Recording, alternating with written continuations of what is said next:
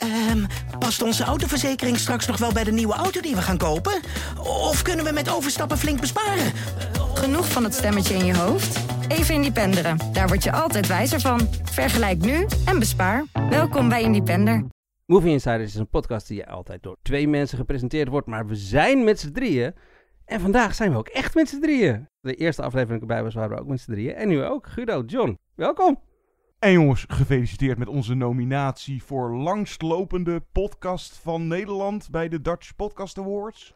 Nou, het is dus de beste langlopende podcast. Oh ja, want anders hadden we hem sowieso moeten krijgen. Ja, de podcast met meer dan 200 afleveringen. Daar hebben wij een nominatie voor weten te scoren. Mede dankzij jullie daarvoor. Onze dank is groot, lieve luisteraars, dat jullie ons genomineerd hebben. Dus we zitten erbij en ja. Dat is prima. Ja. ja. Wat wel belangrijk is, we, gaan, hoeven jullie niet op te roepen om uh, nu nog weer op ons te gaan stemmen. Want wij zitten in een aparte categorie. Uh, waar wij voor genomineerd zijn, wordt bepaald door een jury. Dus jullie hoeven jullie verder niet meer mee uh, te bemoeien. Op 14 november worden de winnaars bekendgemaakt van die categorieën die door een jury worden bepaald. Dus op BNR Nieuwsradio. Nou, laten we nog even luisteren of we wat gewonnen hebben. Volgens mij moeten we het houden bij uh, It's an honor just to be nominated. Hello, I'm Alan Rickman and you're listening to Movie Podcast. Is movie Insiders. Oh, Movie Insiders. Okay, do another one. Hello, uh, I'm Alan Rickman. You're listening to Movie Insiders.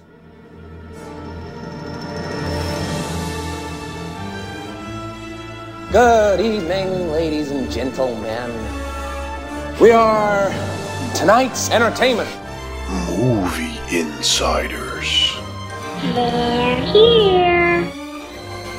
Why should I waste my time listening? Because I have a right to be, and I have a voice! Groovy. Hallo allemaal, leuk dat je luistert naar Movie Insiders, de langslopende podcast van Nederland. Die je kan vinden op onze site movieinsiders.nl. Je kan ons beluisteren via Spotify, Apple en Google. Met z'n drieën. Mijn naam is John. Mijn naam is Jasper. En mijn naam is Guido. Wat gezellig jongens, hier in de Haagse studio met z'n drietjes. Fijn hè? Echt fijn. Cozy. Wat gaan we doen in deze aflevering? Oh ja, ik uh, behoor altijd even de platforms te noemen waar we te vinden zijn. Want we zijn echt overal, dames en heren. Waaronder op Instagram en Facebook. Je kan ons een mailtje sturen. movieinsiderspodcast.gmail.com En we hebben ook een homepage, movieinsiders.nl. Daar kun je ook een reactie achterlaten. Misschien dat we wat met die feedback kunnen doen in een volgende aflevering. Wat gaan we doen? We zijn met z'n drietjes, dus een top 5 wordt al snel uh, wat langer dan jullie van ons gewend zijn. We doen een top 5 films over rouw. En de aanleiding daarvoor is natuurlijk de release van de Nederlandse Oscar-inzending van dit jaar, Narcosis. Met Tekla Reuten, die hiervoor nog onlangs een gouden kalf won. En we doen een blokje ook nog gezien, want we hebben allemaal een hele hoop nog gezien. Ja, en vooral Guido heeft een heleboel gezien deze week. Dat blokje wordt best wel lang, volgens mij, wat Guido allemaal gezien heeft. Maar de film die hij niet gezien heeft, is de film die wij als eerst gaan bespreken. Dus uh, Guido mag even in het uh, strafhoekje gaan zitten, John. Deze doen wij uh, samen. Bonje met de buren, dit is Las Bestias. Una noche me tumbé y el cielo lleno de estrellas. Cuando me desperté, me decía, cuando sea un viejo estaré aquí. Es mi proyecto de vida. Yo no pienso eso. ¿Qué piensas? Ojalá te hubieras despertado en otra aldea.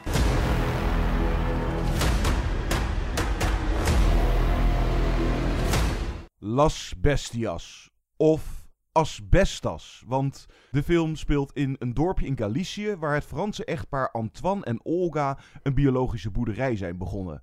Hoewel ze hun best doen om te integreren, blijft de lokale bevolking hen als indringers zien en hun verzet tegen de komst van een windmolenpark zet de verhoudingen met de buren op scherp. En dan vooral met de broers Xan en Lorenzo, wiens pesterijen steeds dreigender worden. Regisseur en scenarist Rodrigo Sorogoyen liet eerder in bijvoorbeeld Que Dios nos perdone en El Reino al zien een moderne meester te zijn in het creëren van spanning. Zelfs bij een ogenschijnlijk onschuldig drankje in de kroeg. Jasper, hoe heb jij die spanning hier in deze film ervaren? Ja, die spanning is uh, zeker in het eerste deel van de film het belangrijkste van de film. En het is echt de opbouw van die spanning is heel mooi. Sorogoyen is in die eerdere films die je noemde ook... Het, thema wat hij het meest in geïnteresseerd is eigenlijk geweld uh, in zijn films. En in deze film is hij uh, meer geïnteresseerd eigenlijk in ja, de, de dreiging van geweld en niet het geweld zelf. En hij is geïnteresseerd in hoe mensen met conflicten omgaan. En heel specifiek ook hoe uh, mensen anders met conflicten omgaan. Hoe mannen en vrouwen anders met conflicten omgaan. Maar het gaat zo subtiel. Het begint met, weet je wel, een, een onschuldig bijnaampje. Dan zijn het kleine pesterijen. En dan wordt het echt, uh, ja, fysieke sabotage. Het wordt steeds heftiger. Die opbouw is echt heel sterk. Ik denk dat is ook wat me vooral bij zal blijven als ik over een paar jaar aan deze film terugdenk. En het, hoe onafwendbaar en onomkeerbaar het misgaat, het langzaam misgaat. Dat is echt heel mooi. Hij gebruikt ook nog de beetje rusteloze muziek als contrast van, van die mooie rustige beelden. Zodat we je nooit echt op je gemak voelt. En toch denk je nog heel lang in de film, het zal wel niet uit de hand lopen. Nou, je krijgt op een gegeven moment wel het gevoel van, dit moet ja. wel gaan escaleren. Dus op een gegeven moment kan haast niet anders. Dus op een gegeven moment de scène bij de auto, Ja. dat ze buiten, en dan denk je van, oké, nu kan het eigenlijk niet meer. Nu is het een eenrichtingsweg Nu is geworden. een punt voorbij. En nou ja, het is vooral dat ik deze zag en weer terugdacht aan eerdere films van hem. En hij inderdaad, nou daarom noem ik hem een moderne meester in het creëren van spanning. Omdat het ook voor mijn gevoel het ja, op zo'n kundige manier door hem gedaan wordt. Zoals je dat niet zo heel vaak meer ziet. Of het deed me zelfs wel een beetje terugdenken aan Hitchcock. En nou, ja, in dit geval, ja, nagelbijtend. Ja, is dat het goede woord? Of het puntje van Ja, je stoel puntje van misschien? je stoel wel, Nou ja, meer het, het, het ongemakkelijke. Van, ja, Ja. je voelt dat er echt een dreiging aanwezig is. En eh, bijvoorbeeld ook, nou ja, dat hebben we in het verleden met de podcast wel geregeld over gehad. Bijvoorbeeld het, het uitrekken. Want hij neemt er ook echt de tijd voor. Hij laat zo'n scène net zo lang uitspelen tot dat ongemakkelijke gevoel echt op knappen staat. Of dat uitrekken zoals nou, Tarantino daar bijvoorbeeld ook. En dan zou ik bijna wel het balletje op kunnen gooien. Nou, wie is daar misschien beter in? eh, een Tarantino of een Sorogoyen? Of nou ja, misschien qua spanning opbouw is uh, Sorogoyen er nog wel eh, beter in. Maar ook omdat hij het ja, rustig vaak laat uitspelen. De hele sfeer komt daar natuurlijk eh, bij kijken. Plus dan zijn regie, het script, het puiken acteerwerk, de cameravoering. Dat voegt allemaal toe aan nou, vooral die scènes waarin die spanning zo wordt opgedreven. Dat er nou, bijvoorbeeld hij eh, loopt daar, die Antoine of zo. En achter in het frame zie je al iemand in het Ja. bos lopen. De dreiging is constant aanwezig. Zelfs als er even niemand aanwezig is van de broers of van de lokale heb je toch als kijker het gevoel van... Oeh, loopt daar nou iemand? Of hoor ik daar toch een geluidje? Of nou, dat dan. Ja, het is ook een heel klein dorpje. hè. Het, is een, het zijn geloof ik acht of negen huishoudens die daar Ja, het stelt echt niks voor, Het is echt heel klein. Wat ik ook heel knap vind, en dat moeten we ook even uitleggen, denk ik. We hebben nu over die spanningsopbouw. Daar hebben we over het eerste deel van de film eigenlijk. Want wat knap is aan dit scenario, is niet alleen die opbouw van die, die spanning en echt geweldige dialogen, vind ik ook trouwens. Echt, echt goed geschreven dialogen. Maar ook dat de film halverwege van toon verandert. En om redenen die we niet gaan spoilen, ehm, wordt zelfs... Laten we het enige zeggen, linkje met de top 5. Ja, misschien. Ja. Daar houden we het bij. Eh, ja, inderdaad. Maar de focus eh, wordt zelfs verlegd. De focus wordt gelegd van de strijdende mannen naar eigenlijk de echtgenotes en de moeders. eh, die op de achtergrond een, een ander soort strijd voeren of anders met die conflicten omgaan. Het is ook heel mooi om dat te zien. En ehm, wat je zei, het acteren en vooral ook de casting is echt heel goed. In, in het begin van de film gaat het dus om de mannen. Die Franse echt, echtgenoot, die, is echt heel goed. Dennis Menochet, die... eh, Ja, die was ook in de In- Jusqu'à la Garde. eh, Ja. Speelde die echt een, oh, een ongelofelijke griezel. En maar zat, hier is hij eh, wel, eh, oké. Je had het net over Tarantino. Hij zat ook in Inglourious Basterds. Ja, nou, je zegt. Ja, Ja, daar ken ja, ik hem ook van, ja. En eh, van die twee broers is vooral eh, Louis Saher, die speelt Xan. Ja, die steelt echt de show als de dreigende menacing presence. En dan in het tweede gedeelte krijgt Marina Foire als Franse echtgenote Olga de aandacht. En die laat ook gewoon een masterclass acteren zien. En waar de mannen vooral hun spierballen laten zien en zich gedragen als de beesten uit de titel. eh, laat zij juist haar vastberadenheid zien, wat misschien wel de echte kracht is. Ja, nee, ja, zeker. Dus het zijn een aantal dingen echt wel interessant. eh, omdat je ook je zou af kunnen vragen nou ja, of er überhaupt ergens sympathie voor een karakter. Uh, dat hangt allemaal een beetje in de lucht. Uh, Zo'n klein Spaans dorpje. Nou, in dit geval, het is geen horror. Het zijn niet de, de monsters zoals je ze vaak in horrorfilms dan tegenkomt.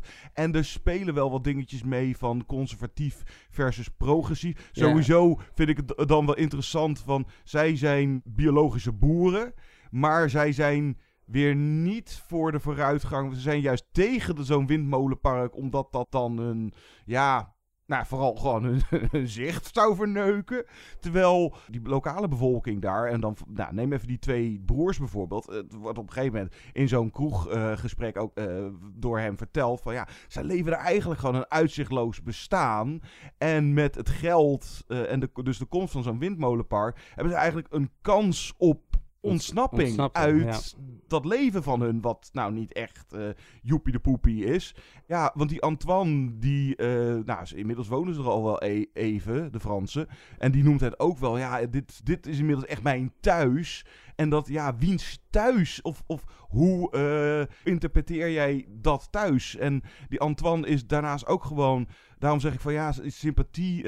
Hij is dus gewoon koppig. Het is, hij gaat op een gegeven moment dan ook constant met zo'n videocameraatje. in de hoop uh, om de pesterij of de misstanden van die broers vast te leggen. En ook dat hij ermee naar de lokale politie. En uh, zowel die agenten daar en die de verhalen aanhoren. Maar jij als kijker ook van. Ja, het is, het is ook in dit conflict. Het is ook moeilijk een kant te kiezen. Hoewel je natuurlijk wel wat eerder hè, voor Antoine en zijn vrouw uh, bent. Maar die lijnpoging die hij ook doet dan uh, in de kroeg, zeg maar. Maar vooral het onbegrip en alles. En het uit de hand gelopen burenruzie. Dit, dit kan niet meer goed komen. Nee, ik, wat je zegt, ik kreeg ook heel erg het gevoel dat uh, probeert om niet te oordelen over zijn personages. Ja. Tuurlijk hebben we iets meer sympathie voor het Franse echtpaar. Gewoon eigenlijk omdat de camera altijd bij hun is. En dan is het door logische reactie als kijker dat je hun als hoofdpersonage ziet. Maar hij laat dus echt inderdaad, vooral in dat ene kroeggesprek, dat trouwens een longtake was. Ja, ja. Een hele statische longtake, over een uh, top 5 van uh, twee weken geleden inmiddels. Laat hij heel mooi de achtergrond zien, inderdaad, van wat, wat zij tegen hebben, wat waarom speelt, zij weg ja, willen, wat ja. er speelt. En dat is echt een super mooi geschreven en gespeelde scène. Camerawerk is, het is gewoon een statisch shot. En die scène wordt later nog een keer gespiegeld in het tweede deel van de film als de vrouwen de hoofdrol hebben. Dan heeft de moeder met de dochter eigenlijk eenzelfde soort scène. Dus die scène komt twee keer voor. Zo'n soort spiegeling gebeurt nog een keer. De film opent, uh, camerawerk is sowieso best wel uh, mooi in deze film, uh, opent met een soort slow motion shot van drie mannen die een paard naar de grond proberen te brengen. En ook die scène wordt later gespiegeld in de film met echt een prachtige scène waarbij ja, hoe die, de camera uiteindelijk soort eindigt op een opengesperde mond. Uh, ja, dat is echt een shot dat me wel uh, bij zal blijven. Hij gebruikt het camerawerk ook om uh, het verschil op een gegeven moment van toon aan te geven. Dus in het begin van de film, als het de spanningsopbouw is, dan gebruikt hij eigenlijk redelijk ouderwetse cameravoering. De camera staat vaak op een standaard, op een tripod, zijn langzaam bewegende shots.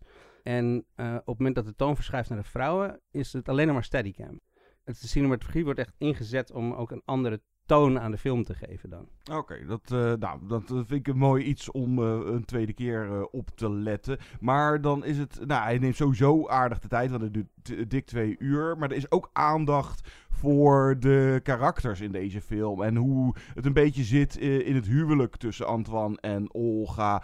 En op een gegeven moment hun dochter die ook langskomt. Uh, en kijk, jij zou kunnen zeggen, nou ja, cliché is niet het goede woord. Maar dit is eigenlijk een, een redelijk bekend gegeven. Maar dan zo uitstekend uitgewerkt.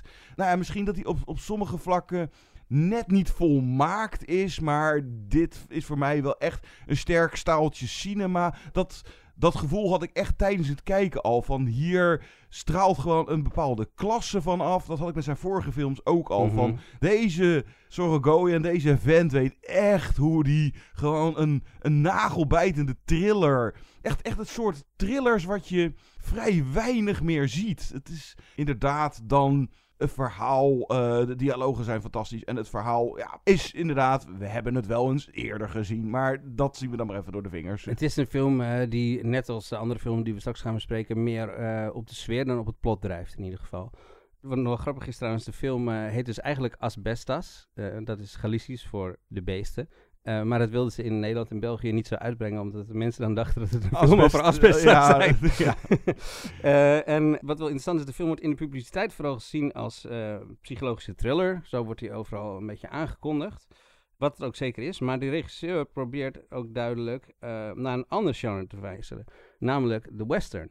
Ja. Ja, en dan met name het subgenre van, van de western waarin buitenstaanders niet welkom zijn op, op de nieuwe grond. En die verwijzingen naar de western is, is ook de reden, reden van die oude stijl van filmen in het begin. Want hij filmt dus eigenlijk al die shots in het begin van de film in een soort western stijl. En bovendien heeft ook het, eh, dat dorpje het gevoel van zo'n klein western dorpje. Hè? En, en dat- Ja, met dan de die- saloon, Met de het- het- saloon. ja, het kroegje. Er is één kroeg en dat is duidelijk de saloon. Er is ook één deur waar ze binnenkomen waar het licht zo uitkomt.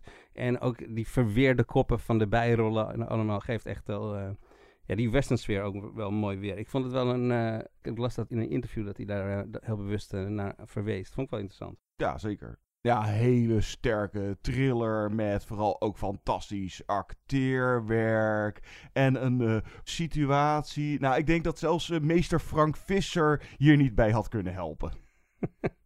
Black Adam. What have your powers ever given to you?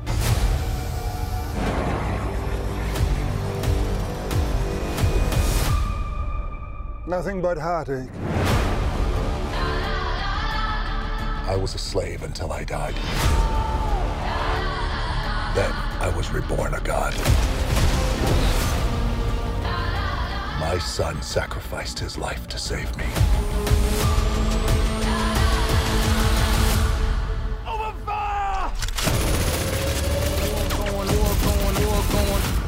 Now, I kneel before no one. In this world, there are heroes pain in my city wherever I go. and there are villains. Heroes don't kill people. Well, I do.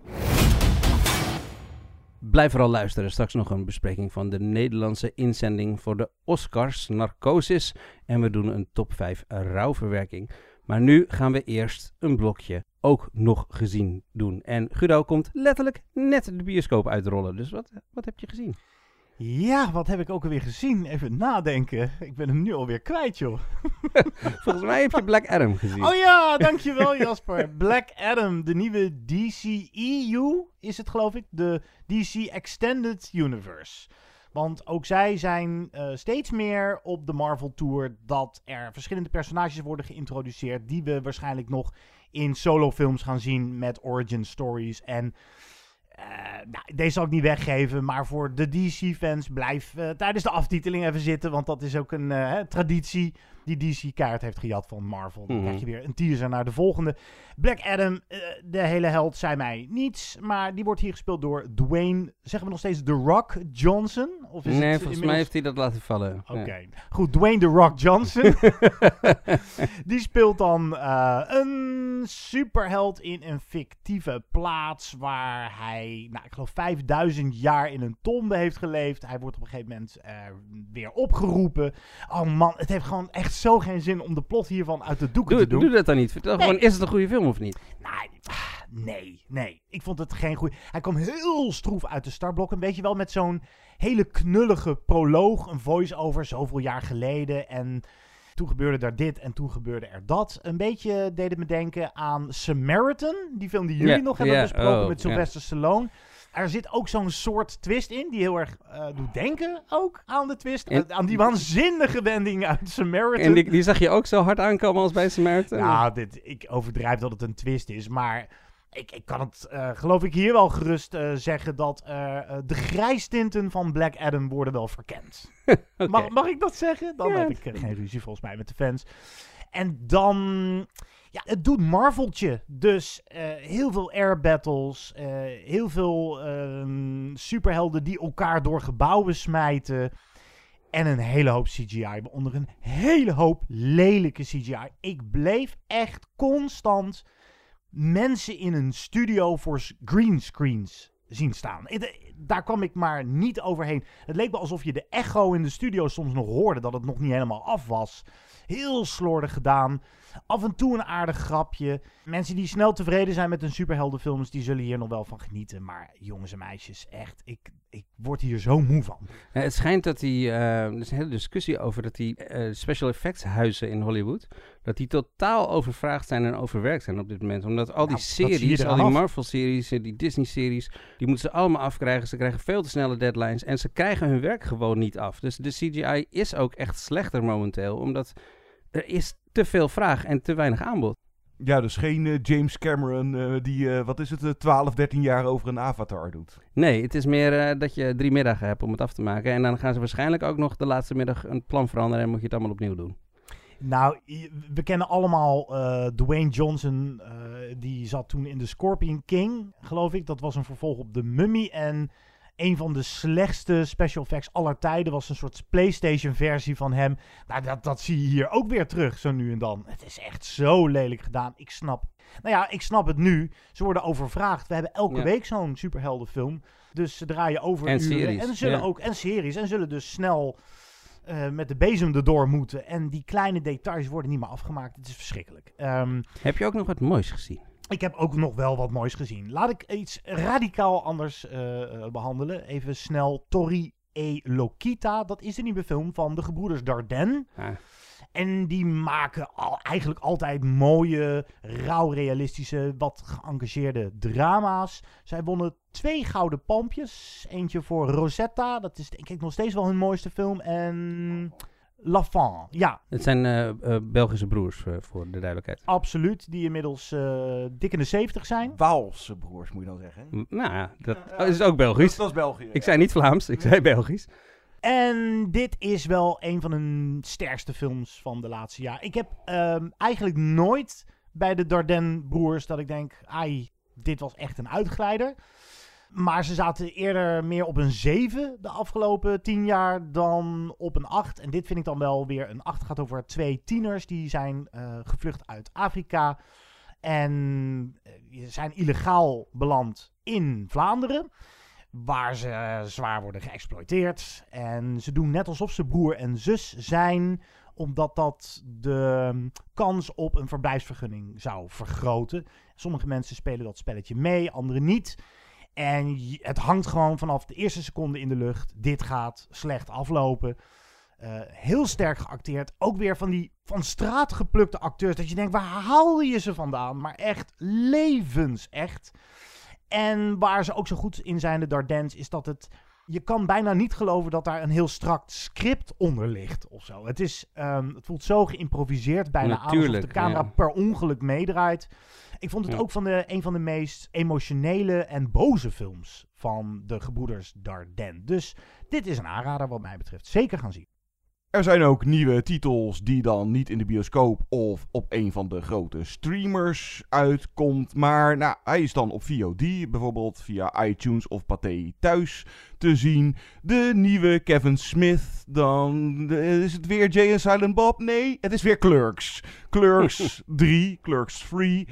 En dit gaat over die Randall, dat is een van die eh, supermarkten, wat is het? Nee, een grocery store, hoe noem je dat? Convenience De- store. De, de, de avondwinkel, Ja. zo- zoiets. Eh, medewerkers, die krijgt een hartaanval en die komt dan tot de realisatie van, eh, nou ja, we zijn, wat is het, rond de 50. Ik heb nog niks eigenlijk bereikt in mijn leven. Wat wil ik nou echt nog gaan doen? Ik heb altijd wel een film willen maken. En dan gaat hij een film maken over zichzelf. Eh, en dan gaan ze ook als zichzelf. Dus je hebt die andere is Dante. En dan heb je Mhm. natuurlijk Jay en Silent Bob. En een of andere. Nou, als je Jay en Silent Bob al vervelend vond. Je hebt een Elias. Die. Nou, die zat dan in Clerks 2. Nou.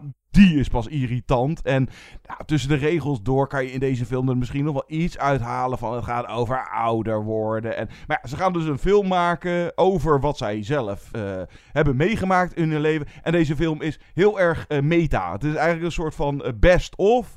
Of grotendeels een herhaling van de eerste Clerks. Want uiteindelijk komt het er dus op neer dat de film die zij gaan maken dan, dan ook in zwart-wit, want uh, dan wordt Silent Bob, de, ofwel Kevin Smith, hoe meta wil je het hebben, die wordt dan de cameraman. En ja, nee, ik ga het wel in zwart-wit uh, schieten, want dat is esthetisch verantwoord. En nou, noem het allemaal maar. Uiteindelijk, het is heel raar, wordt het een soort van, ze maken de clerks zoals die was, maar dan met zichzelf ouder. Ofwel, ze gaan eigenlijk gewoon het allemaal na zitten spelen. En ja, komt dan natuurlijk dingen als nostalgie bij. Maar het had vooral voor mij ook een soort van beetje narcistisch toontje. Beetje iets smerigs van...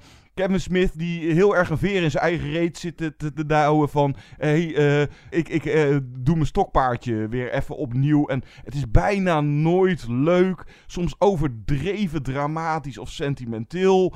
Er zitten wel een paar aardige... Kevin Smith, hij kan het soms wel hoor, maar...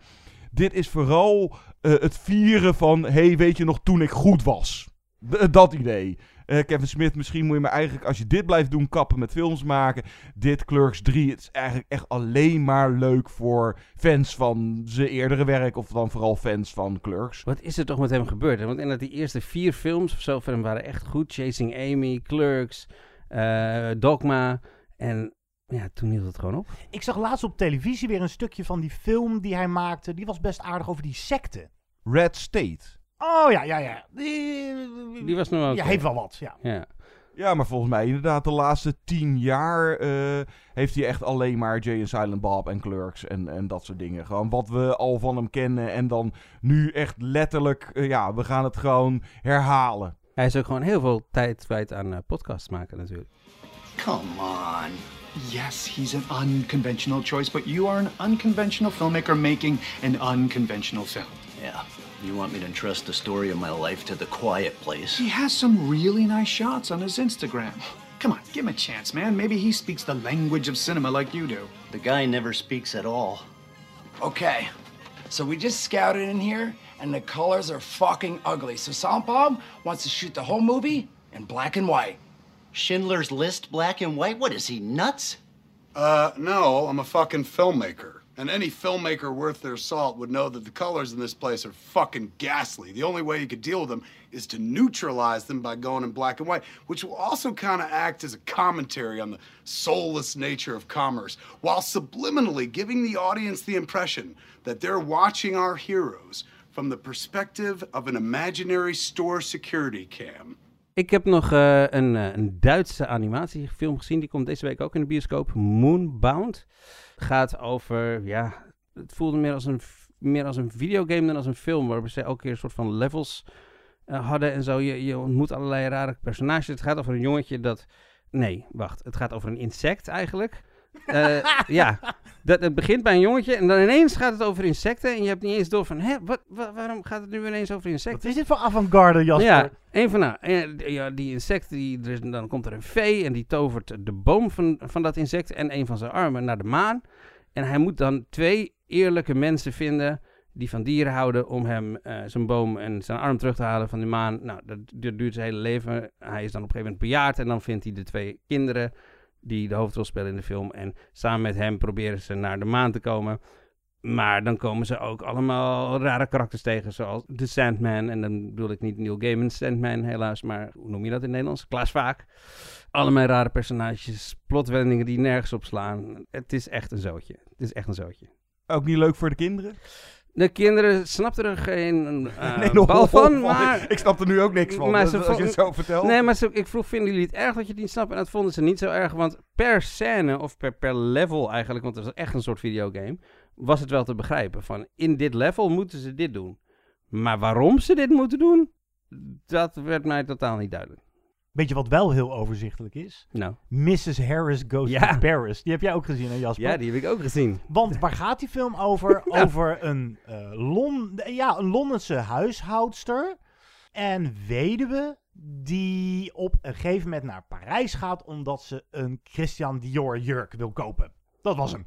Ja, het, het staat allemaal op de titel. Ja, Mrs. Harris goes to Paris. En ze gaat naar Parijs. En wat is dat voor Parijs? Het is het soort Parijs waarin alle dronkenlappen ook hele sympathieke mannen met alpino-petjes zijn. Waar de Sacré-Cœur en de Eiffeltoren altijd in beeld zijn. Dan wel om de hoek staan. Ja, en benoemd worden ook, En hè? benoemd Dus worden. zij- zij zitten in de auto en ze oh, kijk, de Eiffeltoren. Ja. En dan lopen ze langs de scène en dan is het altijd magic hour. Dus je hebt altijd Ja. de perfecte lichtinval en eh, van die godstralen die op ze neerkomen. Maar ik had hier zeker geen hekel aan. Ik, eh, ik heb hem gekeken met mijn meisje en die was erdoor verrukt. Om eh, om het nou weg te zetten als een vrouwenfilm, dat gaat veel te ver. Want hij heeft ehm, ja, voldoende charme. En dat heeft dan absoluut vooral te maken met de hoofdrolspeelster. Ik ben even haar naam kwijt. Ik ook. Leslie Manville. Ja, Oh ja, Oh, heb je hem ook gezien, eh, John? Nee, nog niet, maar ik weet ervan. En, Ja, en de is- grap is dat mijn meisje die zei, oh die Leslie Manville echt heerlijk. En toen zei ik van ja, zij speelt meestal ook juist een beetje bitchy eh, Britse dames. Daar kon ze zich niks bij voorstellen. Wat een compliment is, lijkt me. Ja, zij speelt eh, echt een goede rol. En de film drijft ook echt op haar charme. Eh, het verhaal gaat er ook over dus dat zij naar Dior gaat. Dat, Dior maakt op dat moment eigenlijk alleen maar jurken voor heel veel geld. En alleen maar voor exclusief voor, voor hele rijke mensen. En ze maken nog geen normale kleding die in normale winkels aan normale mensen verkocht wordt. En Mrs. Harris, die gaat daar natuurlijk verandering in brengen met haar, eh, met haar charme. Het is echt een feel-good film. Ik had er ook niks tegen. Het was een, een beetje een niemandalletje, maar het was prima, prima kijken. Ja, het schijnt gebaseerd te zijn op een boekenreeks die allemaal gaan over Mrs. Harris die Dior jurk jat in deel 2 of zo. Ik weet het niet. Maar eh, ja, het is het aangenaam fluff. Kunnen we Ja. daarbij laten? Ja. Ik ben er ook wel weer vergeten. Maar dan heb ik dit liever dan Black Adam. Zal ik Totem er nog even doorheen jassen, jongens? Een Nederlandse film verdient het eh, altijd om even genoemd te worden. Als je Zeker. het gezien hebt, denk ik. Het is een jeugdfilm. En nou, Nederland heeft een rijke traditie aan jeugdfilms. En dit is er eentje die wel boven de gemiddelde eh, titel uitstijgt. Het speelt zich helemaal af in Rotterdam. Daar wordt prachtig gebruik van gemaakt. Het, het heeft een naam dat je de camera constant bijna schuin houdt. Dus het, het tegenovergestelde van een kikkerperspectief, maar een beetje schuin van boven. Het gaat ehm, over, nou ja, à la Tori e Lokita, over een gezin dat illegaal in Rotterdam woont. En eh, die kinderen gaan gewoon naar school. En eh, nou, de hoofdrolspeelster is een jonge meid, eh, een jaar of tien. Die wil de nieuwe Ranomi Kromobi Jojo worden. Maar haar vader heeft er altijd ingeprent. Praat niet met de politie. Want als de politie om de hoek komt kijken, dan zijn we de Sjaak en moeten wij terug naar ons thuisland. En dat is volgens mij Senegal. En wat eh, bijzonder is aan deze film is dat zij op een gegeven moment op de vlucht moet slaan. Een solo-onderneming begint. Want haar vader wordt op een gegeven moment wel degelijk opgepakt. En dan wordt zij vergezeld door, daar komt hij, een stekelvarken. Een heel groot stekelvarken, ter grootte van een, een driezitsbank. Zoiets. Oké. Ja, en dat is een totem. Dat is een soort fabeldier die haar gidst naar betere tijden, vraagteken. Het leuke is, ze hebben geen CGI gebruikt en de makers schamen zich er geen seconde voor dat dit een iets wat houterige pop is. Maar dat heeft juist eh, zijn charme. Hij is heel eh, letterlijk aaibaar. Of zo, al wel, hij heeft stekels. Ja, dus stekels, ja. Zijn snuit, daar kun je dan net zo overheen eh, aaien. Ja, mooie film. Eh, weet je wat het wel is? Ja, ik, ik vind het heel goed dat kinderen worden geconfronteerd met moeilijke onderwerpen als migratie en illegaliteit en opvang van mensen die nog geen verblijfsvergunning hebben. Maar het wordt wel heel erg versimpeld hier. Het is wel echt, het is wel een beetje de politie- en boefje versie van dat onderwerp. Maar eh, zeer sympathiek en leuk gespeeld en mooi vormgegeven dus. Eh, het stekelvarken, die eh, zal me wel bijblijven, denk ik. Ja. Dan nog even naar de series, want een tijdje geleden heeft John het begin van Rings of Power besproken. Die is inmiddels afgelopen. Ik wilde voordat hij eraan begint nog even zeggen, ik eh, raadde vorige keer The Bear aan als mijn favoriete serie van dit jaar tot nu toe. Die heb ik er toen niet bij gezegd, die is te zien op Disney Plus inmiddels. Dus je kan hem gewoon gaan kijken. En Guido is inmiddels begonnen. Ja, de eerste twee afleveringen achter de kiezen en heel eh, goed. Ja, veelbelovend, snel gemonteerd. Eh, Je, moet goed opletten. Eh, Ze duren ook maar kort, nog geen half uurtje per aflevering. Vind ik ook altijd wel een prettig format. En ook maar acht afleveringen. Ja, en het hele, hele scherpe dialogen. Ja, John, echt gaan kijken ook. Echt, Volgens echt mij is die beter dan Rings of Power, is mijn inschatting. Kan niet anders. Ja, dat moeten we dan maar even gaan aanschouwen. Of dat nou het, het zal heel snel beter zijn dan... De... En je hebt het trouwens net over een eh driezitsbank die dan is omgetoverd tot een of ander eh, grote stekelvarken. Waar dus niet heel veel budget aan eh, gespendeerd is. Waar wel heel veel budget aan gespendeerd is. Inderdaad, het eerste seizoen is nu afgelopen van The Lord of the Rings. The Rings of Power. Ik heb er al eerder het een en ander. Dat was halverwege eh, over gehad. Maar nou, sowieso, het verhaal of het script is toch echt wel de zwakste schakel van deze serie.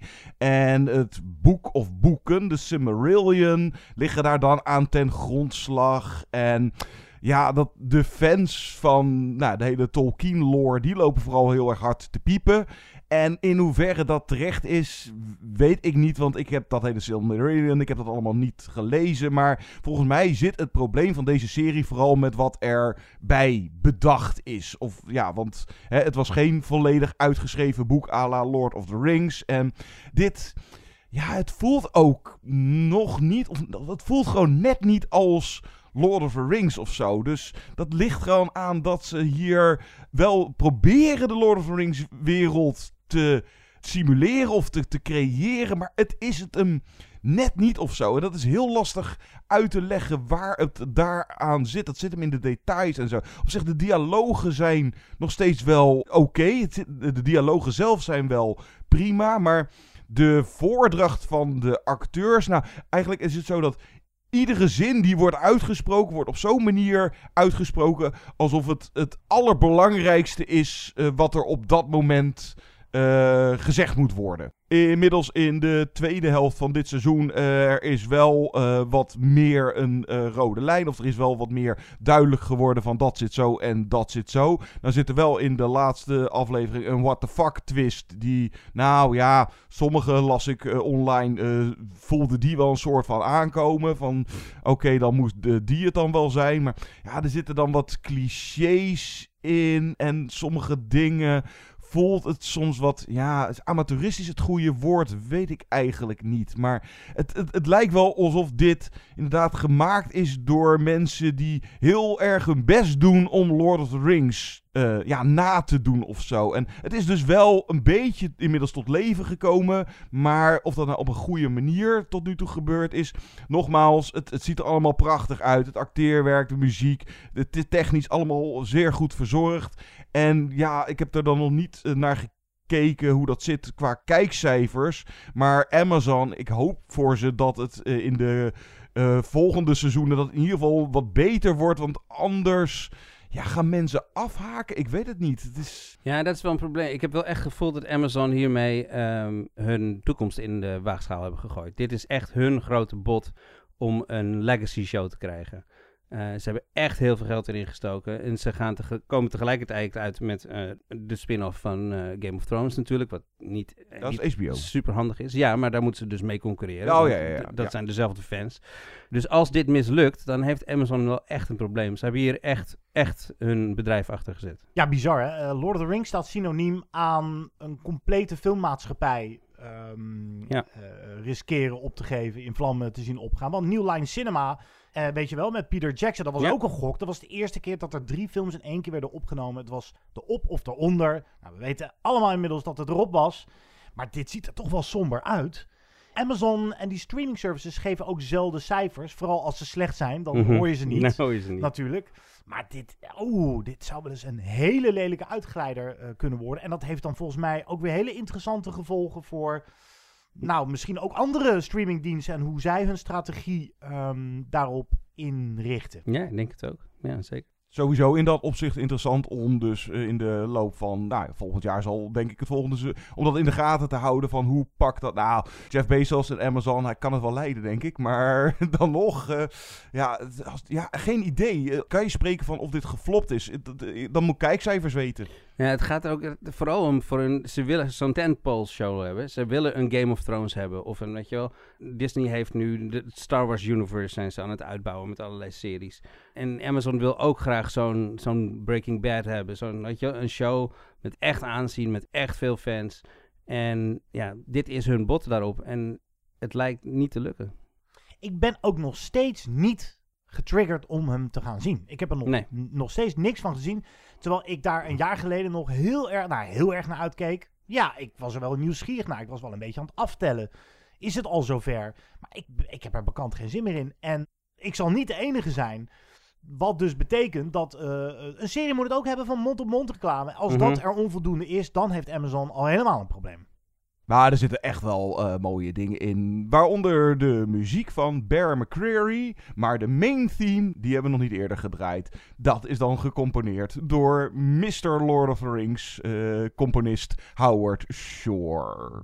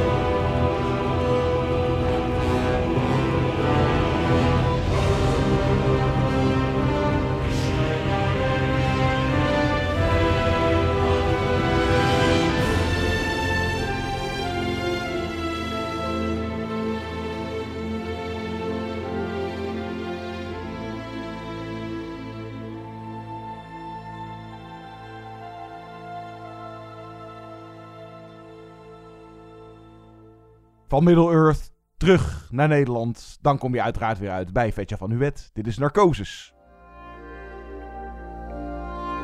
Mijn papa is duiker.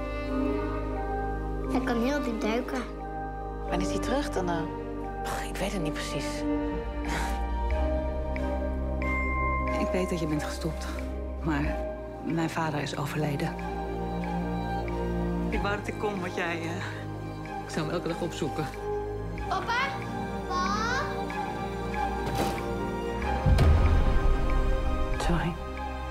Ik durf het niet. Soms dan zeggen mensen dingen die ze eigenlijk wel heel graag zouden willen. Die eigenlijk niet echt kunnen. Er zijn veel films met rouwverwerking als onderwerp. Alleen dit jaar hebben we er al een paar besproken. John en ik eh, bespraken bijvoorbeeld Japanse Drive My Car laatst. En Guido en ik hebben After Yang besproken, wat ook een vorm van rouwverwerking is. En vorige week is ook nog de Nederlandse film Zee van Tijd van Teu Boermans in première gegaan, die met hetzelfde onderwerp worstelt. Zo ook in Narcosis, de debuutspeelfilm van regisseur Martijn de Jong, naar het scenario dat hij samen met zijn vriendin Laura van Dijk, bekend van Mijn Bijzonder Rare Week met Tess, schreef. Narcosis is overigens de Nederlandse instelling van de Oscars, hadden we al genoemd. En bovendien eh, won op het afgelopen Nederlands Filmfestival Tekla Reute het Gouden Kalf voor haar rol. En ook cameraman Martijn van Broekhuizen kreeg een kalf, net als de kostuums. Niet zomaar een debuutfilm dus. De film introduceert ons met een zeer hecht gezin. We krijgen de liefde en de warmte van het gezin duidelijk mee in slechts een paar scènes.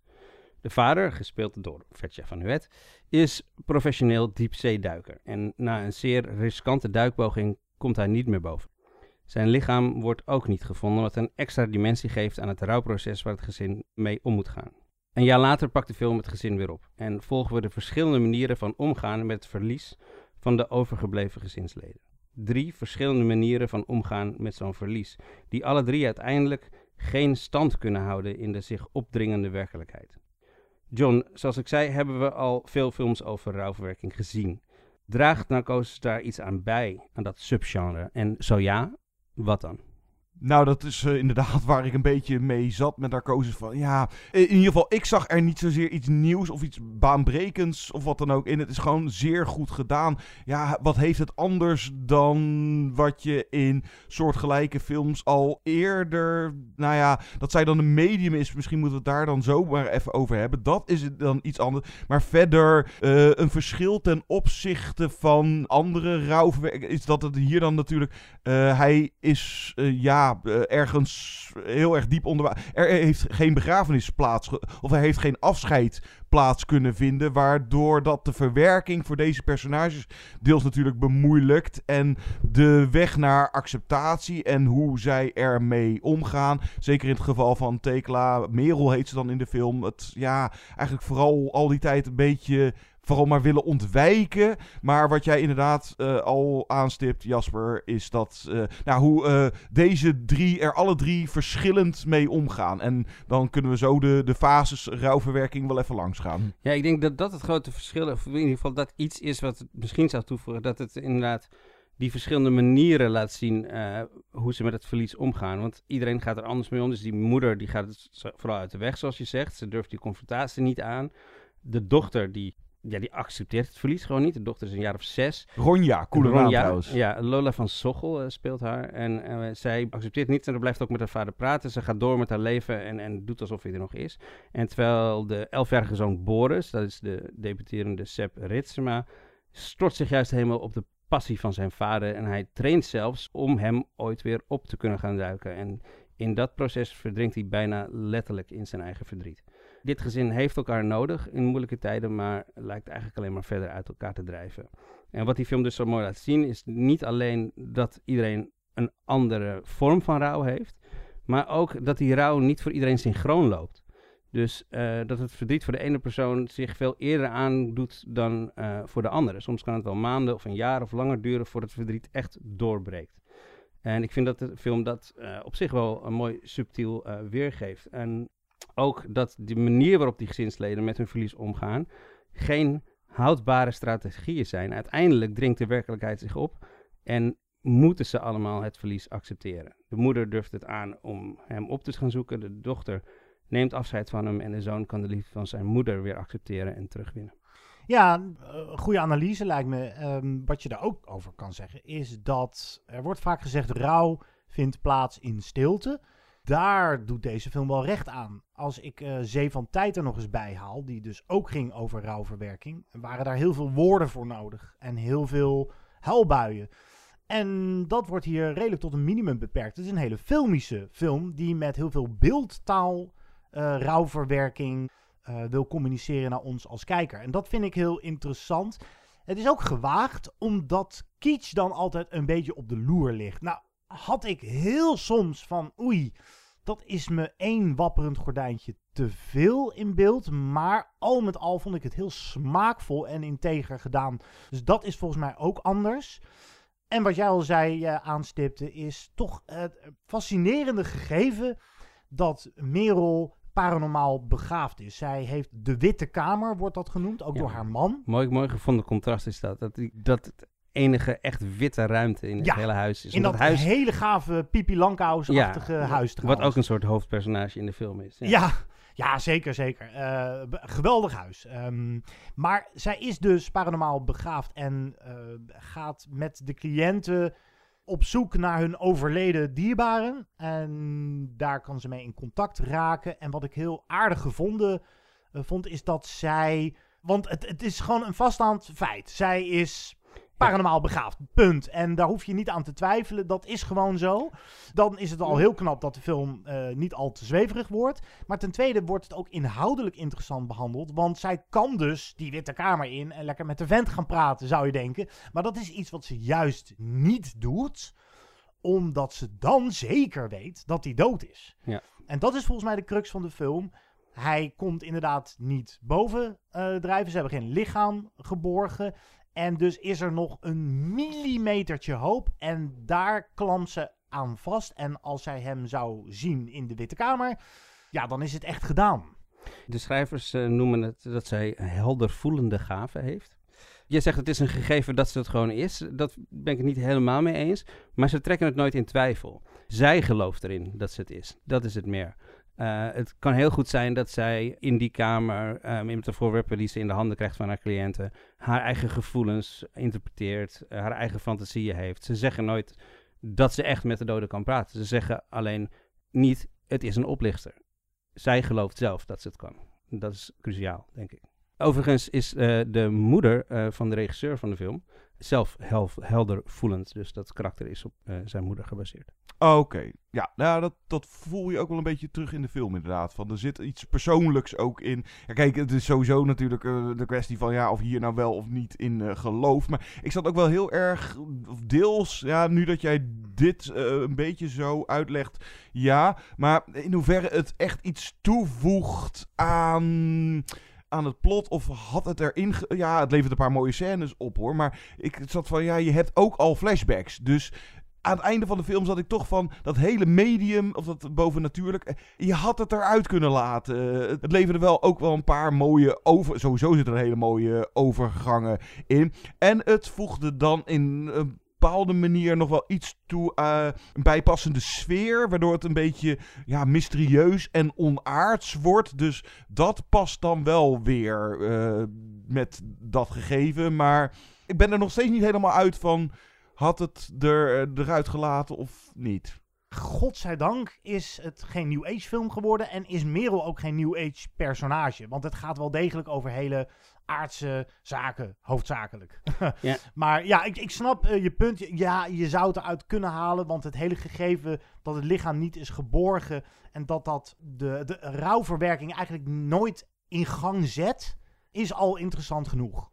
Ja, het is ook goed dat de film ehm, niet te veel uitlegt, zeg maar. Het is, de- we hadden het net bij het beste zeiden we ook, dit is een film die meer drijft op, op de sfeer dan, dan op het plot. Ik las dat in het originele scenario eigenlijk meer werd uitgelegd en dat in de montage er veel van uit is gehaald. Bijvoorbeeld in eerste instantie werd er heel veel uitgelegd over die financiële situatie van het gezin. En dat die levensverzekering eh, kan niet worden uitgekeerd, want dat lijk is er niet. En dan kan je pas na vijf jaar of zo de levensverzekering, dat werd allemaal eerst uitgelegd. En in de montage is dat eruit gehaald, wat de film een stuk subtieler heeft gemaakt. Ja, dat klopt. Het zit er wel in. Ze hebben problemen. Ja. Ehm, Maar dat er wordt, naar, ge- er wordt naar gehint. Het, wordt niet, Ja. het is geen expositie. Maar het is eh, voor haar ook een manier om eh, onder ogen te zien dat hij dood is. Ja. En dan zit er wel een aardig bijpersonage in die haar wil helpen. Maar daar zit ze op dat moment helemaal niet op te wachten. Ook vooral omdat hij daarmee ook aangeeft... eh, joh, je vent komt echt niet meer terug hoor. Ja. En wat ik ook ehm, heel knap vind, dan paas ik hem weer door naar jou, eh, John. Ik geef even een voorzetje. Maar wat zijn die kinderen goed? Ja, echt. Oh mijn god, waar hebben ze die vandaan gehaald? Dat zei ik eerder bij Tori E. Lokita in deze podcast. Maar deze kids eh, zijn wat mij betreft de beste Nederlandse kindacteurs die ik in lange tijd gezien heb. Ja, het acteerwerk van. Nou, eh, en Tekla vooral is eh, fantastisch. Eh, de, de hele cast eigenlijk ook. En die. eh, nou, dat is die Sjoerd, die collega en ja. vriend van het stel. Die dan inderdaad eh, probeert te helpen. Maar nou, eh, gewoon het eh, geloofwaardige acteerwerk van eh, deze allen. En die, eh, nou, die Ronja, dat dochtertje. de- nou, die is echt nog jong. En volgens mij, ze, ze weet het wel dat papa er niet meer is. Maar die zit een beetje in de ontkenningsfase. En dan heb je die telefooncel eh, die ze dan hebben staan. Maar er zitten ook mooie, subtielere dingen in. Zoals zij dan naar de vader van een vriendinnetje van haar kijkt. Als zijnde van, oh ja, dat is zeg maar een, een, een vader. En nou, de verschillende fases eh, van rouw. Boris, die vooral eh, een beetje in de, de woede. Die wil eigenlijk het liefst van zich afschreeuwen. En Mhm. Merel, eh, nou ja, depressie of onderhandelen. Nou, aan het einde van de film bereiken ze alle de aanvaarding. En dat, dat huis, ja, dat, eh, de, herinneringen en, en dan dat huis wel willen verkopen en dan uiteindelijk toch weer niet. Dat, dat eh, zoontje dat te koop wordt, nou, die voelde je wel een beetje eh, aankomen. Maar het is vooral filmisch ook. Nou, laat ik het even zo zeggen. Deze Martijn de Jong, inderdaad zijn speelfilmdebuut. Hij heeft goed naar zijn arthouse collega's gekeken. En dat bedoel ik echt als compliment. Van de rust, de cameravoering, de montage. Dit eh, is iemand die voor het eerst zo'n film maakt. En inderdaad goed naar zijn leermeesters heeft gekeken. Ja, ik vond eh, die, die kindacteurs zijn waren ook. Want het, het probleem met kindacteurs is vaak dat het spel overdreven is of ongemakkelijk is. En dit was gewoon zo goed natuurlijk. Ja, dit zijn geen kindjes die van de Musical Academie nee, komen. Nee, het is geen overacting. Ik wil ook nog eventjes eh Vetja noemen, Vetja van der Wet, want die doet eigenlijk ook iets heel moeilijks. Hij heeft maar een paar scènes, een handjevol scènes, eh, waarin hij een vader moet neerzetten die de rest van de film een voelbaar gat achterlaat in de film. En dat is echt best wel moeilijk om Ja. te doen. En dat doet, knap hij, wel doet hij heel knap. Vind ik echt heel knap, ja. Ja, je hebt natuurlijk een hele hoop metaforen in deze film zitten. Ehm, nou, en misschien één of twee metaforen te veel. Op een gegeven moment de storm die losbreekt. Die is misschien wel erg obvious. Maar het zat me nooit echt in de weg. Wat ik al zei, het blijft smaakvol en invoelend gedaan. En in, inderdaad, wat, wat je vaak hebt is dan, eh, nou, ook met de Gouden Kalveren, die gaan dan naar Tekla Reuten enzovoort. Maar Martijn de Jong is wel echt een naam om in de gaten te houden. Zeker. Eh, het lijkt wel alsof je zijn naam niet meer durft uit te spreken, John. eh, maar Terrence Malick lijkt me een van die leermeesters. En eh, misschien ook wel Tarkovsky. Ik proefde wel die sfeer een beetje terug in de film. Het is een film die ook nooit gaat voor de makkelijke traan. Het is meer een film die in je kop blijft zitten zonder dat je er direct met hele rode ogen en een snotte neus uitkomt. Ja, ik vond dat, dat er inderdaad mooi is, wat je, net zei, veel symboliek in zit. En soms was het te veel, eh, soms is het subtiel, sommige dingen ook niet zo subtiel. Ik, bedoel, er zit ook een scène in dat eh Vetja, eh, volgens mij zijn dochtertje, Orpheus voorleest. Orpheus gaat naar de onderwereld om zijn geliefde terug te halen en hij mag haar daar meenemen, maar dan mag hij niet omkijken op de terugweg. Eh, want dan eh, blijft zij voor altijd in de onderwereld. En natuurlijk kijkt hij wel om. Nou, dat is natuurlijk een hele mooie eh, symboliek voor hoe de rest van het gezin om moet gaan. En moet stoppen met omkijken en moet beginnen naar vooruitkijken naar de rest van het leven. Maar dat je Orpheus voorleest aan een kind van zes jaar oud, dat is wel een beetje geforceerd.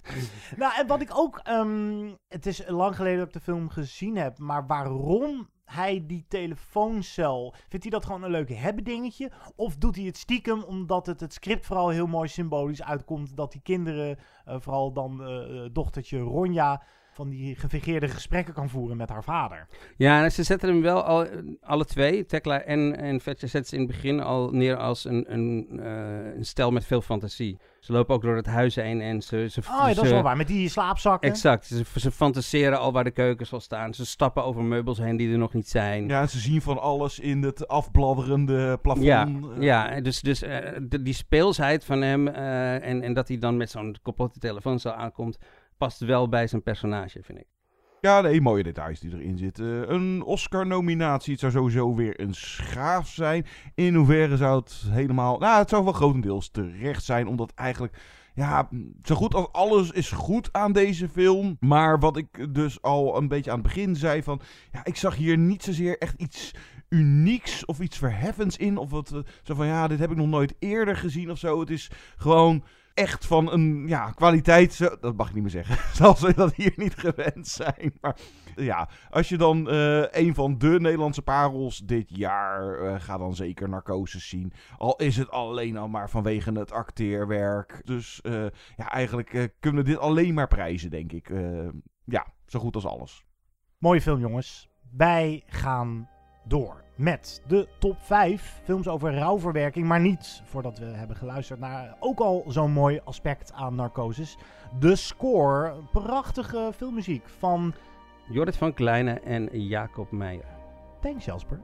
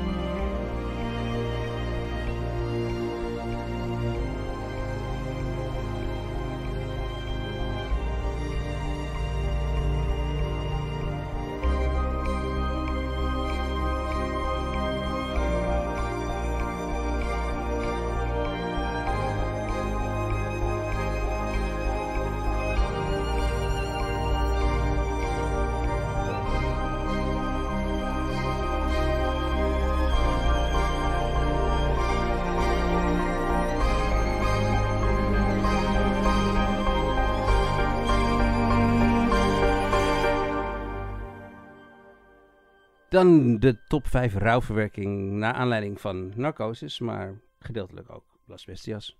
Ik heb gekozen voor om alleen films te, te nemen die echt over rouwverwerking gaan. En niet over dingen als uh, acceptatie van de dood of andere vormen van, van, van rouw, zeg maar. Echt dus rouw van het verlies van een dierbare. En dat het het ho hoofdbestanddeel van de Ja, film is. Want exact. het is heel vaak zit rouwverwerking er wel als een laag Als een soort bij. Het is, een rouwver- rouwverwerking is heel vaak de motivatie van een personage om naar de maan te gaan of eh, eh, eh, de ruimte in te gaan of zo. Die films heb ik allemaal niet meegenomen. Het moet inderdaad echt het hoofdonderwerp zijn, of in ieder geval een belangrijk onderdeel van de film zijn. Ik heb trouwens ook onze luisteraars ingeschakeld. Ik, eh, ik had al een top 5 gemaakt, maar ik dacht het is leuk. Ik heb de, op Instagram de luisteraars gevraagd wat hun favoriet, nou ja, favoriete, wat hun beste rouwverwerkingsfilm is. En er zijn best wel wat antwoorden op Er is wat verschoven in mijn top 5 en eh, we zullen af en toe misschien een, eh, een luisteraar horen. Want er was veel keuze. Er is heel veel keuze. Er is echt heel veel keuze. Ja, waar, jij- begin jij? Ja, ik eh, trap af met Trois Couleurs, dubbele punt, bleu. Bleu dan, ja. Van Kieslowski.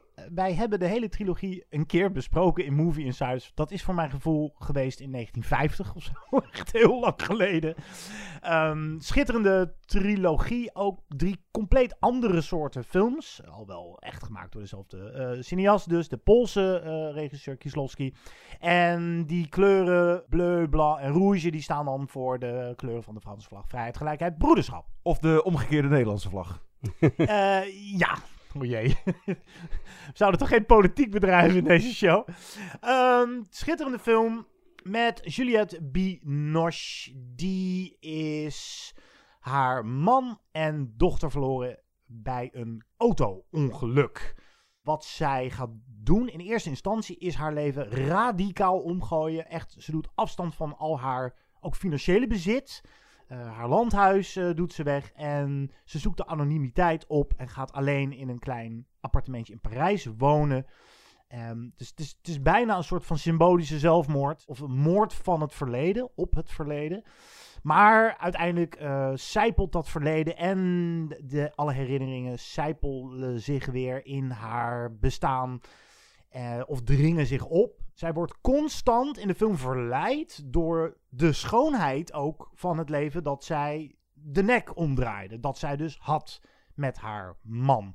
Maar het is ook, het zou geen Kieslowski film zijn als het niet een hele complexe karakterstudie is. Het is ook zo'n film die hoe vaker je hem ziet, hoe meer je eruit haalt of met verschillende interpretaties kan komen. Vast de arty-farty voor sommigen, maar ik vind hem prachtig. Trois couleurs bleu. Mooi. Ja, ik eh, voor mijn eh, nummer 5. Ja, dit eh, wordt waarschijnlijk niet een heel vrolijk lijstje met dit onderwerp. Dus ik dacht, ik, laat ik voor nummer 5 een hele luchtige film nemen over rouw. Het is trouwens een film die het publiek en de critici behoorlijk heeft verdeeld. Op Rotten Tomatoes geven de, het publiek hem 80%, wat een nette score is. En de critici 25%. Ja, en een goede film zou ik het ook zeker niet noemen, maar wel eentje die dus een originele aanpak van rouw gebruikt. Ik heb het over de romantische comedy P.S. I Love You. Oh, wauw. Daar gaat eh, mijn vrouw heel blij mee zijn dat je deze noemt. Dat is een van haar favoriete films. Ja, het is eh, uit 2007 van regisseur Richard Lagravin. Het is gebaseerd op het gelijknamige boek van Cecilia Ahern. ehm, en het is dus inderdaad een soort romantische comedy. Alleen is één van de twee van die hoofdpersonen overleden.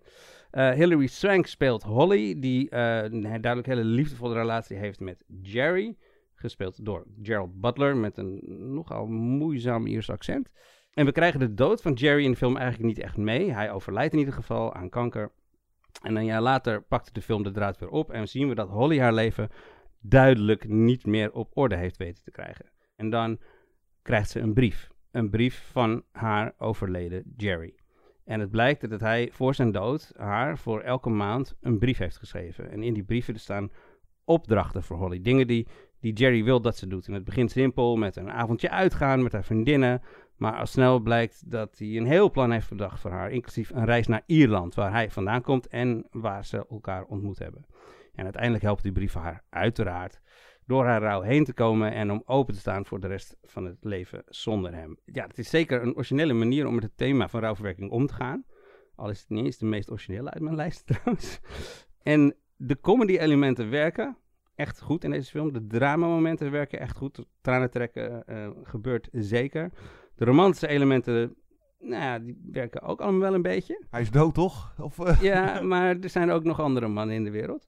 Uh, alleen ja, werken al die elementen ook samen. Ik, ik had vooral bij de drama-scènes, die werkte voor mij goed. En, en ik vroeg me soms af hoe de film had gewerkt als het dit originele idee niet in een comedy-vorm gegoten was, maar helemaal als drama was benaderd. Maar misschien was het dan wel gewoon ondraaglijk zwaar geworden. En dat is het nu niet. Uh, geen wezenmeesterwerk dus, zeker niet. Maar ik begrijp dat het publiek op Rotten Tomatoes hiervoor valt. Uh, als je wil kijken of dat ook voor jou geldt, hij staat op Videoland. Lekkere smartlap vond ik het wel hoor. Ja, kon best hebben.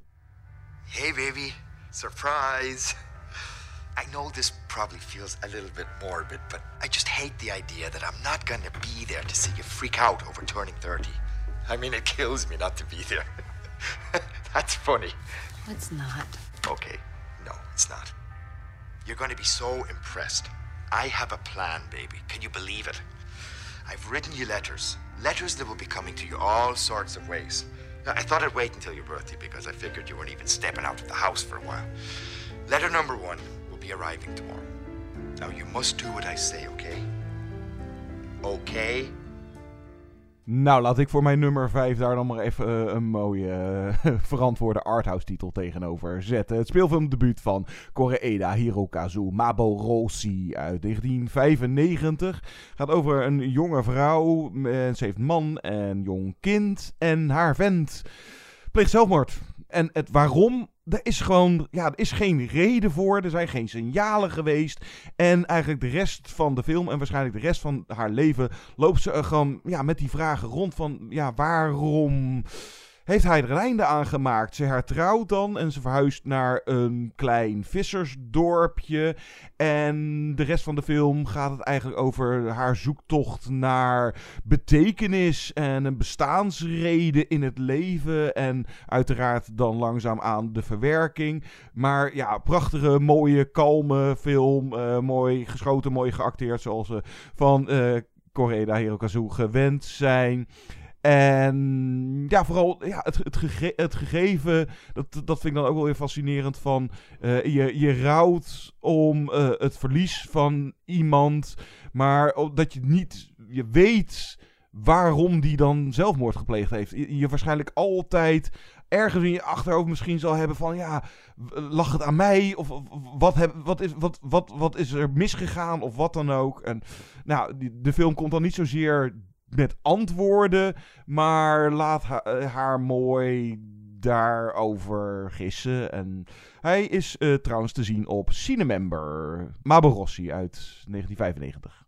We gaan weer naar een vissersdorpje. We gaan naar Manchester by the Sea voor mijn nummer 4. En dat is een film waar de meningen ook best wel over verschillen. Sommigen vinden hem te vet aangezet. Ik vind hem prachtig. Vooral vanwege Casey Affleck in een Oscar-winnende hoofdrol. Ik vind sowieso Casey Affleck een van de meest fascinerende acteurs om naar te kijken. Uh, vanwege die lijzige stem, die, die, pregnante ogen. Uh, maar wat hij bij Manchester by the Sea doet, is hij gaat terug naar dat plaatje. Een beetje met tegenzin. Hij doet het uit een morele plicht als uh, er iemand komt te overlijden. Hij wordt de voogd over zijn zoontje er zit een twist in, maar er uh, is nog iemand anders in het verleden van Casey Affleck doodgegaan. Waardoor hij eigenlijk dat plaatje altijd heeft gemeden. En de manier, het zit hem ook in zijn motoriek. Hoe hij daar door de straten loopt en hoe hij zijn ex daar tegenkomt. Gespeeld door Michelle Williams in een hele korte, maar hele indrukwekkende bijrol. Dat is uh, verpletterend. Dus dat uh, rouwverwerking gaat helemaal in je lijf zitten. Dat uh, is ook een reden waarom ik deze film wilde noemen. Sowieso schitterend geacteerde en geregisseerde film door Kenneth Lonergan. Een van de meest ondergewaardeerde Amerikaanse scenaristen, regisseurs die we hebben. Kijk ook zeker bijvoorbeeld naar een film als Margaret. Gaat ook deels over rouwverwerking. Ja, zeker. Mooie double feature. Je wordt er niet heel vrolijk van alleen. Uh, toen ik net de regels be besprak die ik voor mezelf had, uh, ben ik even vergeten te zeggen. Ik heb ook besloten dus om de films die we dit jaar al besproken hebben in de podcast niet mee te nemen. Dus Drive My Car, After Yang. Uh, Drive My Car had vast hoog in deze lijst kunnen staan, maar heb ik niet, niet meegenomen, want die hebben we net besproken. Ja, zo was er nog eentje, die hebben we dan niet besproken, maar Mass van ja. dit jaar. Twee paar ouders. De, de een eh, is een van eh, de ouders van de slachtoffer en de andere zijn de ouders van de dader. En dan vier geweldige acteurs in één ruimte. Zeer de moeite. Als je hem nog niet hebt gezien, mes. Volgens mij staat hij op pikkel. Maar mijn nummer vier eh, is ook een recente film. En jullie hebben hem ongetwijfeld besproken, maar daar was ik niet bij. Dus hij maar gewoon wel op mijn lijstje. Een film die rouwen op, op een lichte en magische manier verbeeldt. En tot een heel mooi einde brengt. Eh, ik heb het over Petite Maman van regisseur Céline Sciamma. Die eerder het prachtige Portrait de la Jeune Fille en Feu maakte. Die toen bij ons alle drie ook volgens mij hoog op de jaarlijstje stond. In Petite Maman volgen we een jong meisje dat net haar oma is verloren. Ze zegt vroeg in de film tegen haar moeder dat ze geen goed afscheid heeft kunnen nemen van haar oma. Ze zei elke keer natuurlijk gedag als ze wegging bij haar oma, maar de laatste keer was geen goed afscheid, zegt ze. Later gaan ze samen met wat familie het huis leeghalen van haar oma. Zij verveelt zich en ze loopt het bos in, waar ze een meisje van haar eigen leeftijd tegenkomt, die bovendien verdacht veel op haar lijkt. Eh, de actrices waren zusjes. Ze gaan samen spelen en even later gaat ze met haar nieuwe vriendin mee, die toevallig dezelfde naam heeft als haar moeder, mee naar huis. En daar blijkt dat hetzelfde huis te zijn als het huis dat haar familie aan het leeghalen is, alleen dan dus jaren eerder. Haar nieuwe vriendin is haar moeder. Een moeder waar ze niet de band mee kan opbouwen die ze met deze jonge versie van de moeder wel kan. En belangrijker, de moeder van haar nieuwe vriendin is haar dus dan nog jonge oma. En door die magische, realistische of ja, ja, fantasierijke toon voelt die film niet zwaar aan, ondanks dat het best wel serieuze en zware thema's zijn. En ook omdat Sciamma in bijna geen enkele scène echt op emotie speelt. We krijgen wel dingetjes mee en we begrijpen de pijn en de rouw, maar het wordt allemaal echt heel alledaags gebracht. En ik vind het ook heel mooi hoe Sciamma zich nooit bezighoudt met hoe dat nou precies zit met dat tijdreed-element. Omdat het meisje zelf dit in al haar jeugdigheid gewoon meteen accepteert. Ze snapt gewoon meteen, oh, dat is mijn moeder. En op een gegeven moment zegt ze dat ook tegen dat meisje. Jij bent mijn moeder. En dat meisje, oh, oké, nou dan is dat zo. Doordat ze haar moeder en haar oma op die leeftijd leert kennen, eh, krijgt ze dus zo de kans om alsnog goed afscheid van haar oma te nemen en haar rouw te verwerken. Petit Maman staat eh, onder andere op Cinetree en Amazon Prime. Hij stond nog in mijn top 10 beste films, films van het vorige jaar. Ja, schitterende film. Ik zag jou eh, stilletjes juichen toen ik de titel noemde. Zeker, mijn, eh, ik balde even mijn vuist. Ja, hier ben ik blij mee. Jij niet in je lijst dan? Mm, nee, nee. Oké. Ja, voor mijn nummer vier, eh, inderdaad, dit is ook een eh, goed voorbeeld daarvan. Maar ja, eh, rouwverwerking bij kinderen, dat is iets wat je niet heel vaak in films terugziet. Nou ja, Narcosis dan dus deels en dan Petit Maman. Maar ik ga voor Ponette uit 1996 van Jacques Doillon waarin een vierjarig meisje haar moeder heeft verloren bij een auto-ongeluk. En ja, dat is precies zo'n leeftijd. En dat zie je ook terug in deze acteerprestatie. Dat ja, gewoon het niet goed weten hoe hiermee om te gaan. Uiteraard eh, het, het verdriet, het eh, gemis, maar de situatie echt helemaal kunnen vatten, helemaal kunnen begrijpen. Dat wordt dan ook nog eens bemoeilijkt doordat vooral de volwassenen in haar omgeving daar vaak eh, religieuze uitleg bij plakken. Wat alleen, alleen maar voor verwarring zorgt bij zo'n jong kind. En ja, echt een zeldzaam voorbeeld van de focus op zo'n jong kind. Hoe die omgaat met zo'n verlies van haar moeder. En dan daarbij vermelden dat het is nog steeds een godswonder hoe deze regisseur zo'n acteerprestatie uit een vierjarige kleuter heeft weten te krijgen. Alleen daarom moet je Ponette al gezien hebben. En omdat het dus uh, ja, vrij bijzonder is, uh, de rouwverwerking van zo'n jong kind. En dat de film ook echt daarop focust. Mooi, ik heb hem niet gezien, maar ik ga hem, uh, ga hem zeker eens opzetten. Oh, dat moet je zeker doen, Jasper. Dat is een hele mooie film. Op nummer drie, een film die wij vaak hebben genoemd in Movie Insiders. Ik vraag me zelfs af of wij hem ooit in het museum hebben gezet. Dat is zo'n... Het museum is opgeheven, toch? Is opge ja, ja, het is opgeheven. Dat was uh, vroeger iets uh, voor films die te vaak in een top 5 voorbij kwamen. Het is The Sweet Hereafter hm. van de Canadese filmregisseur Atam Egoyan. Ja, geweldige film. Waarin eigenlijk een heel dorpje of heel stadje in rouw is. Uh, gebaseerd op het boek van Russell Banks gaat over een schoolbus met kinderen dat verongelukt. Nou, Eh, dat slaat nogal een gat in eh, die plaats. En je volgt vooral dan de door Ian Holm gespeelde advocaat die sommige gezinnen bijstaat om daar nog een financieel slaatje uit te slaan. Wat altijd een raar fenomeen is. Dat je dan toch iets van closure wil of toch een soort van beschuldigende vinger naar iemand wil wijzen. Want dat is zoiets gruwelijks. Een schoolbus met kinderen dat verongelukt. Daar moet enige zingeving aan uh, worden vastgeplakt. Dat, of een schuldige juist. Ja, ja. ja precies. Maar inderdaad, dat, dat, dat, daar, moet je, daar moet iemand voor boeten of zo. Ik zat te twijfelen omdat het uh, over meerdere personen gaat. En de hoofdrolspeler is dan Ian Holm. En dan volg je Sarah Polly. Dat is eigenlijk haar doorbraakrol misschien wel. En zij worstelt met meer innerlijke demonen. En daar gaat het wat minder om rouw. Daarom twijfelde ik of ik deze film mee moest nemen. Maar het is toch een hele schitterende film die ook weer een heel ander facet van rouw weergeeft dan we in andere films zien. Their child died and they got a lawyer? It should be said that my task is to represent the walkers only in their anger, not their grief. What did they get for that? You're angry, aren't you, Mrs. Otter? That's why I'm here. To give your anger a voice. To be your weapon against whoever caused that bus to go off the road. Dolores? It's my belief that Dolores was doing exactly what she's done for years. Besides, the school board's insurance on Dolores was minimal, a few million at most. No, the really deep pockets are in the town, or the company that made the bus. So you think someone else caused the accident, Mr. Stevens?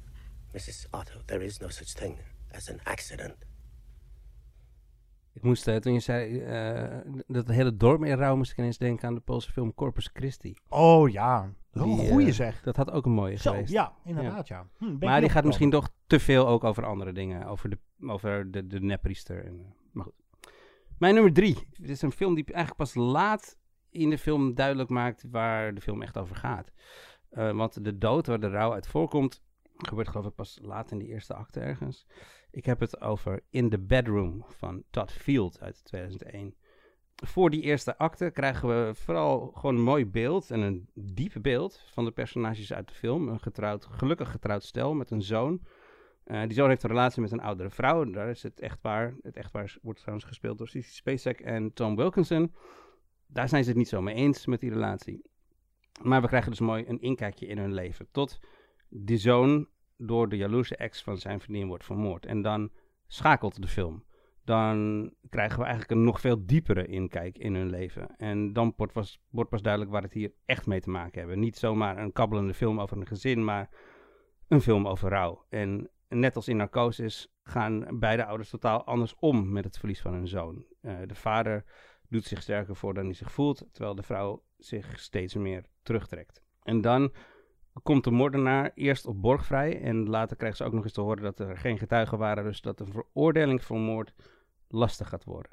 En ook daar reageren alle twee de echtgenoten weer anders op. Uh, dat brengt zo'n spanning met zich mee. En dat, dat, dat komt echt tot uitbarsting in een hele prachtige scène tussen Spacek en uh, Tom Wilkinson. Dat is echt een geweldige scène. En dan schakelt de film nog een keer. Maar ik heb al iets te veel gespoord. Die laatste actie wil ik niet spoilen. Die moet je vooral zelf gaan kijken. In the Bedroom is echt een film um, waarvan je lang niet goed weet waar het nou echt over gaat. Maar uiteindelijk gaat het gewoon over het huwelijk van ouders en hoe hun rouw zich omzet in andere gevoelens, uh, in haat. De film is geweldig door het acteerwerk uh, en het scenario. Er zitten scènes in die echter voelen dan het leven zelf. En net als in Narcosis is het een film die niet drijft op plot, hebben we al een paar keer gezegd. Omdat het niet, in dit geval eigenlijk, omdat het niet zozeer geïnteresseerd is in wat er gebeurt, maar in waarom iets gebeurt. Ja, mooie film. Volgend jaar eindelijk nieuw werk van Todd Field. Tar, met potentiële derde Oscar voor Kate Blanchett. Ik heb op drie, nou, laat ik ze dan allebei maar even noemen. Twee films van de Australische Jennifer Kent. De Babadook uit 2014. Moet ik hier te veel over zeggen? Want ja, is het al een spoiler? Dit is een elevated horror. Hij, het, de Babadook. Het is rouw. Het is trauma. Nou, laat ik dan uh, iets meer stilstaan bij haar uh, film die ze daarna maakte. The Nightingale uit 2018.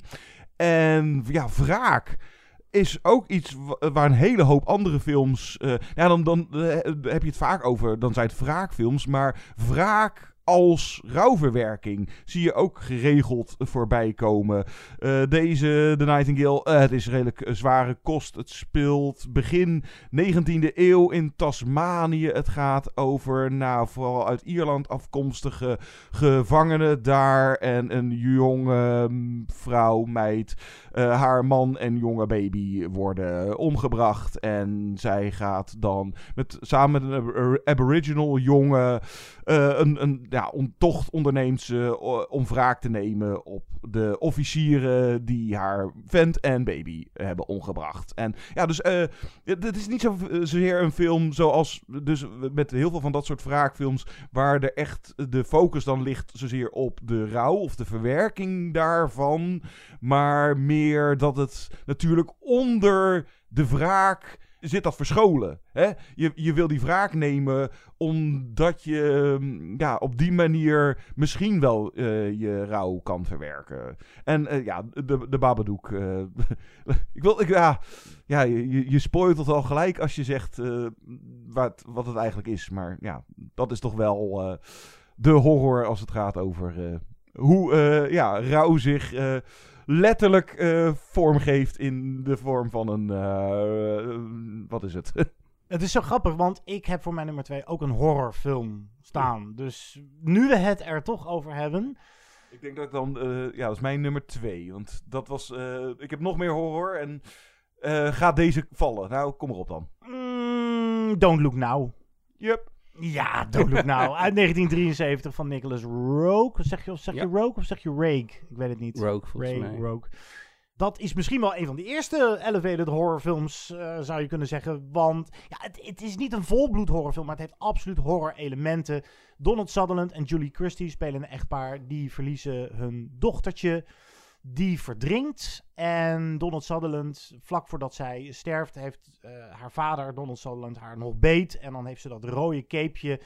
En daarna is eigenlijk een beetje de horrorvraag ehm, waar de film zich ook over buigt. Leeft zij nog voort? Of leeft haar geest nog voort? In Venetië dan wel te verstaan, waar deze film zich verder afspeelt. En het is eigenlijk zonde om Don't Look Now een horrorfilm te noemen, want het gaat echt over rouw. Het is echt een rouwverwerkingsdrama, hoe ze er allebei mee omgaan. En dat levert onder meer een van de meest bizarre, ongemakkelijke seksscènes uit de geschiedenis op. Een seksscène waarin ze nogal me- mechanisch de liefde bedrijven, af, eh, afgewisseld met scènes dat ze zich heel mechanisch ook weer aankleden. Ja, het, het, het leven moet draaiende eh, gehouden worden of zoiets. Wat ook wel fascinerend is, is dat zij gelooft wel in de geestverschijning misschien van haar kind. Zou je kunnen geestverschijning. Eh, hij is daar heel sceptisch over, maar ziet steeds meer rode symbolen in Venetië. En houdt hij daarmee zichzelf voor de gek? Of niet? Wil hij het stiekem toch ook zien? En zegt dat niet iets over het willen vasthouden aan iemand die er niet meer is? Prachtige film. I've seen your little girl, and she was laughing. Yes, my sister's psychic. She wants you to know. I've seen her, and she wants you to know that she's happy. Christine. John, do you hear what I say? It was Christine. My daughter is dead, Laura. She does not come peeping with messages back from behind the grave. Yes. Christine is dead. Yes. She is dead. Yes. Dead, dead, dead, dead. Ah! Ja, dus inderdaad, mijn nummer twee. eh, wat heb ik er eigenlijk nog aan toe? Eh, die, eh, je hebt die twee zussen, waarvan dan dus één, nou, linkje naar narcosis, een medium is. En die ja, brengt eigenlijk een boodschap van een overleden dochtertje. Maar ja, het verlies van zo'n jong kind. En ook vooral de vraag die je tijdens deze film. de, of dit huwelijk dat overleeft. En hoe zij daar beide anders mee omgaan. Deze is trouwens te zien op Pathé thuis. Dit psychologische drama, horror, klassieker uit 1973. Don't Look Now is mijn nummer twee. Dan mag jij weer even door. Dan doe ik nu mijn nummer twee, ja. Eh, mijn nummer twee is een eh, Nederlandse film. Een film over rouwverwerking die echt uit het leven gegrepen is. In 2010 komt de zoon van schrijver AFTH van der Heijden bij een verkeersongeluk om het leven. Hij wordt op de fiets geschept door een auto. Tonio wordt slechts 21 jaar. En in de tijd na zijn dood doet zijn vader het enige wat hij op dat moment kan. Eh, zoeken in zijn herinneringen, aantekeningen maken, notities maken en uiteindelijk schrijven. Hij schrijft het boek Tonio, een requiem-roman. En Paolo van der Oest verfilmde dat boek in 2016 met Pierre Bokma en Livka Lodijsen in de hoofdrollen. In die film en in het boek natuurlijk wordt duidelijk dat Adrie door twee vragen gedreven wordt. Wat is er gebeurd in de uren voor het ongeluk en hoe kon het ongeluk gebeuren? En doordat hij beschikking heeft over camerabeelden van het ongeluk, bijt hij zich echt volledig vast op die vragen. Want het had zo makkelijk anders kunnen lopen. Het boek is echt een soort in literatuur omgezette rouw. Het, boek is eigenlijk rouw. En de film van Paul van der Oest blijft heel dicht bij het verhaal uit het boek en dus bij de werkelijkheid. Maar ze weten toch ook echt een op zichzelf staande film van te maken. Die film laat heel mooi zien hoe Adrie en Mirjam, de moeder, uh, elkaar nodig hebben. Hoe ze de rouw anders beleven, maar er niet zonder elkaar doorheen kunnen komen. Zo durft Mirjam bijvoorbeeld na het ongeluk niet meer alleen te zijn. Uh, hij moet op een gegeven moment zelfs bij de wc blijven wachten, uh, omdat, hij, omdat ze daar niet alleen wil zijn. Terwijl Adrie na de begrafenis zo'n beetje alle alcohol die hij in het huis heeft kunnen vinden opdrinkt. Beide zijn ze volledig verlamd door de rouw. Tot, voor Adrie althans, zijn kunst zijn vorm van rouwen wordt. Hij schrijft en hij schrijft en hij schrijft om te ontsnappen aan de werkelijkheid, maar ook als een vorm van therapie. Zijn kunst sleept hem er doorheen met dat boek en dus deze film als gevolg. Tonio is te zien op onder andere Cinetree, HBO Max, Disney Plus en Amazon Prime. Hallo?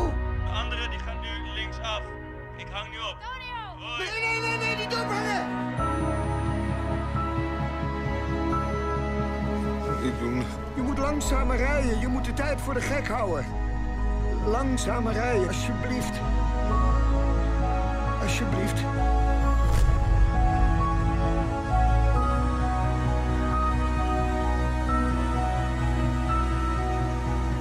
Ik schrijf het in de eerste plaats voor jou. Niks rust zacht. Nou, mijn nummer 2 was dan dus eh, Don't Look Now. Dan gaan we door naar Guido's nummer 1, Pixar. Ik dacht, laat ik dat nou eens een keer niet doen. Ja, nee, ik heb eh, niet gekozen voor Pixar. Ik ga de titel niet uitspreken, want dan kan jij hem doen, John, straks. Eh, ik vind het heel leuk. Ik vind, ben eigenlijk wel blij met mijn nummer 1, want het grijpt terug op jouw nummer 5. Het is een film van Koreeda Hirokazu en het is Still Walking. Wat ik denk ik een van zijn mooiste films vind. Uh, ook zo'n film die ik bij een tweede keer kijken nog veel mooier vond dan de eerste keer. Film uit 2008. Ja, dit is een uh, film die bewijst dat het servies niet per se altijd aan diggelen hoeft. Als uh, je in rouw bent. Het is misschien ook wel heel Japans om zo introvert om te gaan met de dood van iemand. Je volgt Ryota en zijn zus Shinami. Die bezoeken met hun partners en hun kinderen, dus met hun gezinnen, uh, hun bejaarde ouders. En dat uh, vindt plaats op een herdenkingsdag van de dood van, het, van hun derde kind. En dat was eigenlijk ook het lievelingskind van in ieder geval papa. Hij uh, verdronk, deze meneer verdronk toen hij een kind uit zee van de verdrinkingsdood wilde redden. Dat maakt het extra tragisch. Maar dit is zo'n film, het is, ja, hoe doorleefd kan een film zijn? Als je personages ziet die. Eigenlijk vindt de rouw ook hier in de stiltes plaats. Er zijn mensen die uitvallen naar elkaar, maar het blijft altijd voorzichtig. Omdat familie staat hier altijd boven het ego. En wint het ook altijd van het ego. Ik denk dat dat misschien de mooie, de, de echte samenvatting is van Still Walking. Hoe iedereen er anders mee omgaat. Eh, schitterende film. Echt een van de meesterwerken van deze eeuw, vind ik, tot nu toe. Mooi. Ja, mijn nummer 1. Uh, ik had dus inderdaad op Instagram gevraagd aan de luisteraars. En dit was echt de film die verreweg het meest genoemd werd. Door de luisteraars op Instagram. Helaas uh, werd die ook al genoemd in een, van jullie top 5. Ik laat hem even inleiden door luisteraar Annelieke. Die schrijft: Dit is vooral een voorbeeld van een film waarbij het hoofdpersonage het eigenlijk juist niet lukt om het verlies te verwerken. En dat klopt. Ik heb het over Manchester by the Sea van uh, regisseur Kenneth Lonergan. Ik uh, zal het bondig houden, want eh, Guido heeft er al genoeg over verteld. Vooral over het plot. Eh, ik, ik, wat ik nog eraan wilde toevoegen is dat ik het knap vond. Eh, dit had makkelijk een standaard film kunnen worden over een man die geforceerd wordt op te groeien en over zijn rouw heen te komen om- door zijn relatie met zijn neef. Zeg maar een soort Gran Torino of St. Vincent-achtige film te worden, zeg maar. Eh, maar, maar daar gaat deze film niet heen. Daar is Lonergan helemaal niet in geïnteresseerd. Dit is, ja, het is wel Hollywood, maar het is geen Hollywood. Dit zijn personages die niet kunnen groeien in mooie, ronde karakterontwikkelingen. Zoals je in een Hollywoodfilm normaal zo- zou zien. Ze zitten juist volledig vast met zichzelf. Wat niet wil zeggen dat de relatie tussen deze personages geen impact op ze heeft, want ze delen wel die rouw, ook al is het een ander soort rouw. En ook al zijn ze te stug om er openlijk met elkaar over te praten. Klinkt allemaal heel erg serieus en duister en op veel momenten, eh, maar op veel momenten heeft Manchester by the Sea ook een soort lichtheid die bijna neigt naar een droog soort humor. Er zitten af en toe scènes in eh, ja, die bijna ronduit komisch zijn. Ik kan me bijvoorbeeld een stuk herinneren dat ze zijn ex eh, een ambulance ingereden moet worden en dat het dan de ambulancebroeders geloof ik drie pogingen nodig hebben voordat ze de brancard opgeklapt hebben. Terwijl het serieuze gesprek tussen de hoofdpersonen gewoon doorgaat. Er zit een soort droge humor in. Ja, dus eh, hij kwam bij mij als een van de eerste naar boven toen we bij deze lijst kwamen. En dus bij de luisteraars ook. Hij is te zien op Amazon Prime en eh Viaplay.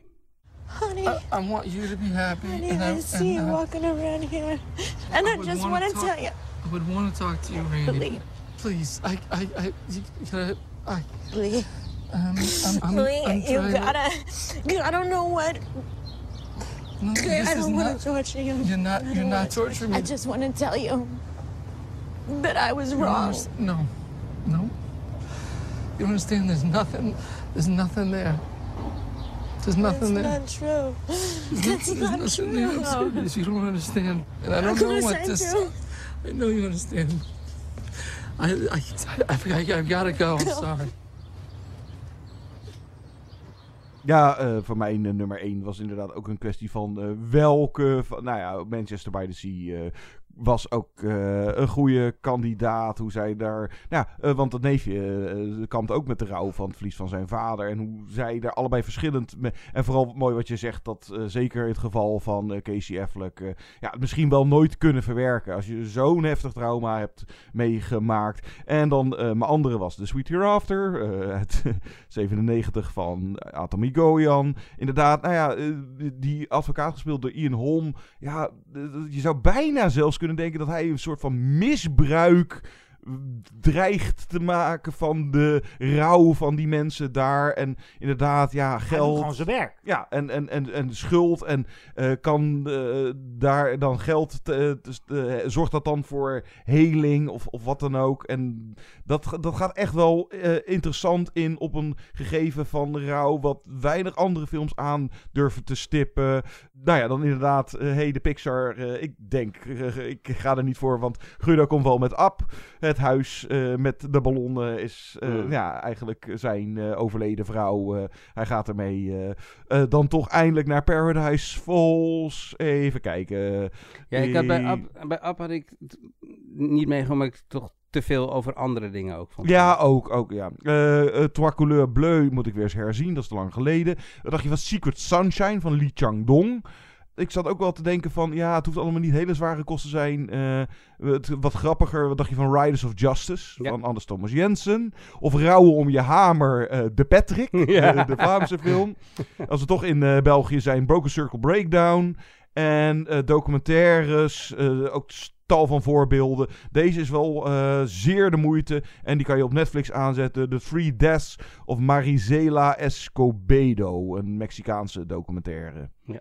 Ik heb nog wat honorable mentions van, eh, van wat luisteraars.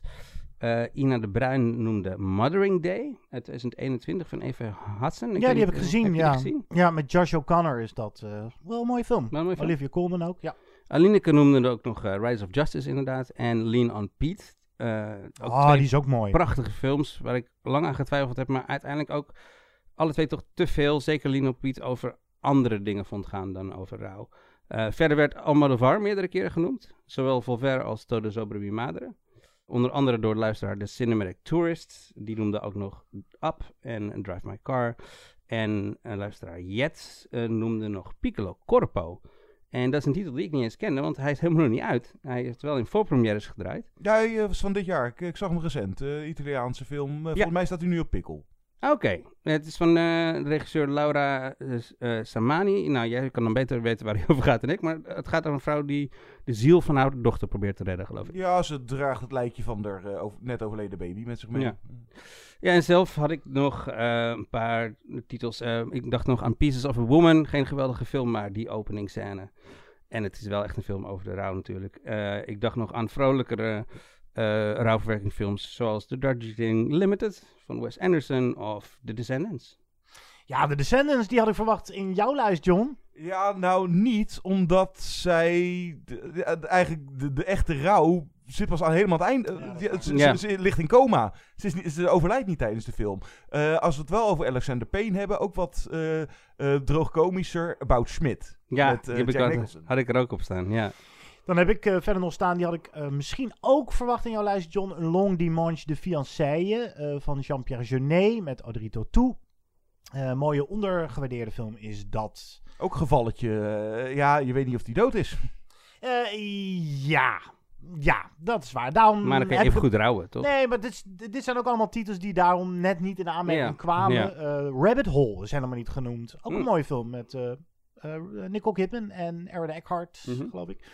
En dan had ik nog staan La Stanza del Figlio van Nanni Moretti. Is natuurlijk ook gewoon een hele mooie film. Ja, dan heb ik ze eigenlijk allemaal wel genoemd. Drive My Car, ja. Ja. Maar ja, Drive My Daar gaan we het vast nog over hebben dit jaar. Die, die ik komt, heb zo het vermoeden dat we dat nog gaan doen. Die komt zo eind december nog wel eens een keer langs, denk ik. Tot zover deze aflevering van Movie Insiders met z'n drietjes.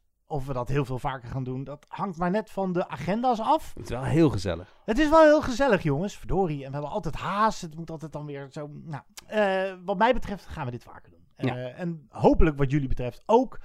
Sowieso is alle feedback welkom. Zijn we misschien toch nog een titel vergeten? Of zijn jullie het helemaal niet met ons eens over de film Narcosis, waar we toch alle drie best van onder de indruk waren? Laat van je horen op bijvoorbeeld uh, de website movieinsiders.nl. Dat is onze homepage. Maar je kan ons ook vinden op Facebook en Instagram, Twitter, at movieinsights. En je kan ons een e-mail sturen naar movieinsiderspodcast.gmail.com. Ja, en wat gaan we dan de volgende keer doen? Uh, we wilden in ieder geval tackelen de film Bros.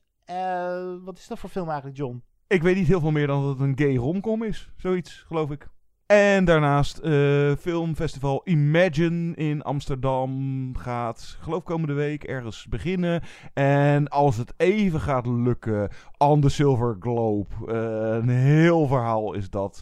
De film van Andrei Zulawski, die nooit helemaal afgemaakt is. En daar zitten allerlei re uh, redenen. Er is ook een documentaire over. Als het even lukt, uh, doen we die als klassieker. Misschien wat titels die op Netflix uitkomen. Zoals een nieuwe Duitse verfilming van All Quiet on the Western Front. En er komt een nieuwe stop-motion van Henry Selick, de regisseur van Coraline. En Nightmare Before Christmas, Wendell and Wild komt uit. Uh, een beetje afhankelijk van wat wij voor die tijd kunnen zien passeert in de eerstvolgende podcast, de revue. Ik uh, wil nog even zeggen dat In Westen nooit is natuurlijk niet een Duitse verfilming van een Amerikaanse film, maar gewoon een Duitse verfilming van een Duits boek. Oké, okay, ja, nee. Je gaf ons al flink op onze kloten op de, op, in onze appgroep. Uh, jij bent te kennen. Ik, ik, ik, ik, heb dat boek nooit gelezen. Ja, ook niet wel. op school. Ja. Het schijnt echt een klassieker te zijn, inderdaad. Ja, ja. het is echt een klassieker. En ik hoor hele goede verhalen over deze film trouwens. Die, uh, de, dat is de Oscar-inzending van Duitsland. Ook van dit jaar. Of voor de Oscar-uitreiking van begin volgend jaar. Laten we eruit gaan met hoe toepasselijk en hoe triest ook uh, het heengaan van Robbie Coltrane. De acteur die de meeste mensen zullen kennen van de Harry Potter films waarin hij Hagrid speelde. You're a wizard, Harry. Ja, en Robbie Coltrane, ik moest vooral even nadenken, waar ken ik hem nog meer van? En... Nuns on the Run en The Pope, the Must, Pope die. Must Die. Ja, die is best oké. Okay. En hij zat ook in twee James Bond films, namelijk uh, uit mijn hoofd GoldenEye in the World Is Not Enough. Uh, maar ja, het is gewoon Hagrid. En uh, die is op 72-jarige leeftijd overleden aan de gevolgen van kanker. Laten we eruit gaan met de muziek uit een van die 30 Harry Potter films. Zullen we gewoon uh, de klassieke theme eens een keer doen van John Williams. Die kent iedereen, toch? Lijkt me mooi. Raise your wand voor Hagrid. Tot de volgende keer. Tot de volgende keer. Adios.